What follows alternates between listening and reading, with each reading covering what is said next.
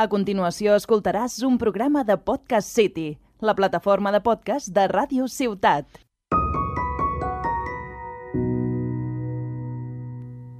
...24 de mayo del 2000, minuto 90... ...Martín Palermo convierte el 3 a 0 contra River Plate.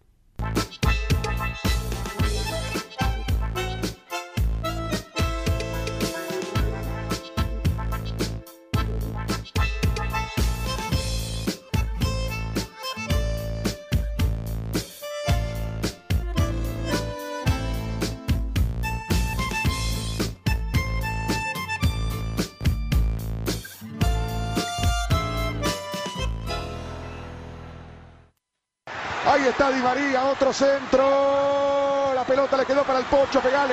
Ahí va el Pocho.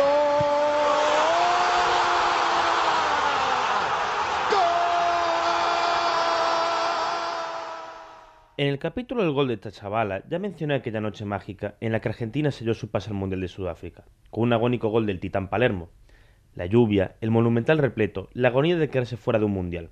Y ahí estaba él, un tipo rubio, alto, del cual yo casi no había escuchado hablar, pero desde aquel momento conocí a Martín Palermo, el hombre con una vida de película. Palermo comenzó jugando en Estudiantes de La Plata, el equipo de grandes leyendas argentinas, como Verón, Miguel Ángel Russo o Sabela, pero sobre todo la casa de los dos, dos de los más grandes entrenadores de la historia del fútbol, Zubeldía y mi querido Carlos Salvador Vilardo. En la escuadra Pincharrata, Martín dio sus primeros pasos como jugador profesional, en el club de sus amores. Pero aún así, su inicio como jugador no fue tan positivo.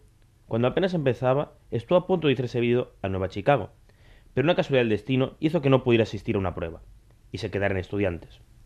Jugó desde el 91 hasta el 97, y en sus dos últimas temporadas fueron bastante notables, en especial cuando en Estudiantes River convierte uno de los goles del pincha, que le da la victoria al Club de La Plata, y lo celebra haciendo una pose de yoga, lo cual llamó mucho la atención al otro gran club de Buenos Aires.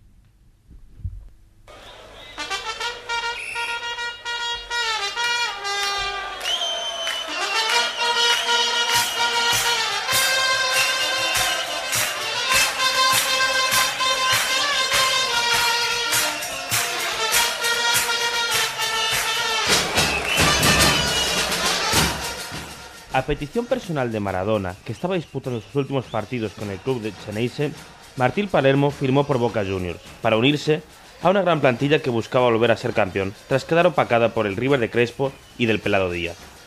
A pesar de que su primera temporada fue cuestionado por la afición bostera, con la llegada de Bianchi a los banquillos, el equipo empezó a carburar, y Palermo salió muy beneficiado, junto a su mejor socio, Riquelme.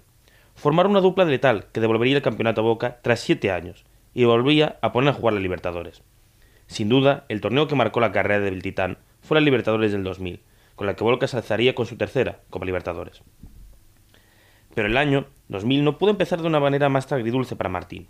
En un partido con San Martín de Tucumán tuvo un fuerte choque, pero quiso seguir jugando y poder convertir su gol número 100 con Boca.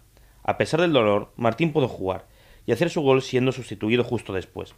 Lo que parecía un simple golpe se transformó en una rotura de ligamentos, que lo apartó seis meses de las canchas. Mientras Palermo seguía su recuperación, Boca seguía pasando rondas del Libertadores, llegando a cuartos de final, donde por primera vez en la historia se enfrentaría a su máximo rival, River Plate. En el Monumental, River se había impuesto 2 a 1 a Boca, con goles de Saviola y Ángel. Pero la vuelta se jugaba la bombonera, y Boca debía ganar como sea, sí o sí. Antes de la vuelta, el tolo gallego, técnico millonario, dijo en broma que Palermo no era una amenaza debido a su estado físico. Nunca hay que boquear antes de un clásico y eso no lo hizo el Tolo, y llamó la mala suerte. Desde el minuto 54, Boca se había adelantado con gol del Chelo Delgado y había certificado su pase en el 84 con un gol de Riquelme, de penalti. Pero lo mejor estaba aún por llegar. Ya en el minuto 77 había ingresado a la cancha el Titán, y cuando ya el partido estaba por acabar, pasó lo siguiente. Llega Palermo, llega Palermo, va para el loco, tal de Palermo y la para Palermo, que se está marchando Palermo.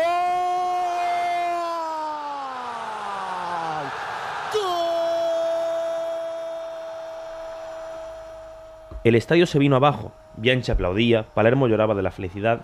Era un momento muy emotivo, que explicaba a la perfección lo que es la vida de Martín, el pibe que junto antes de romperse la rodilla estaba a punto de irse a la Lazio, pero se le impidió la lesión. Sin embargo, hoy estaba en la cancha llena, ganando al rival máximo y callando a los que dudaban de él. Para finales de año, Boca finalizó con el campeón de la Libertadores, por lo que debía enfrentarse al campeón de la Champions, que era el Real Madrid de los Galácticos. Y el partido acabaría con dos goles de Palermo y con una victoria magistral de Boca sobre el mejor equipo del mundo. La carrera de Martín siguió hasta 2011 y durante esos 11 años acumuló todos los récords de goles de Boca y pudo jugar el Mundial 2010 con Maradona de técnico y que a marcar un gol contra Grecia en su primer disparo en el torneo y convirtiéndose en el goleador más mayor en hacer un gol en un Mundial y dando así por acabada una carrera de película. Boca 3, River 0. Has escoltat un programa de Podcast City, la plataforma de podcast de Ràdio Ciutat.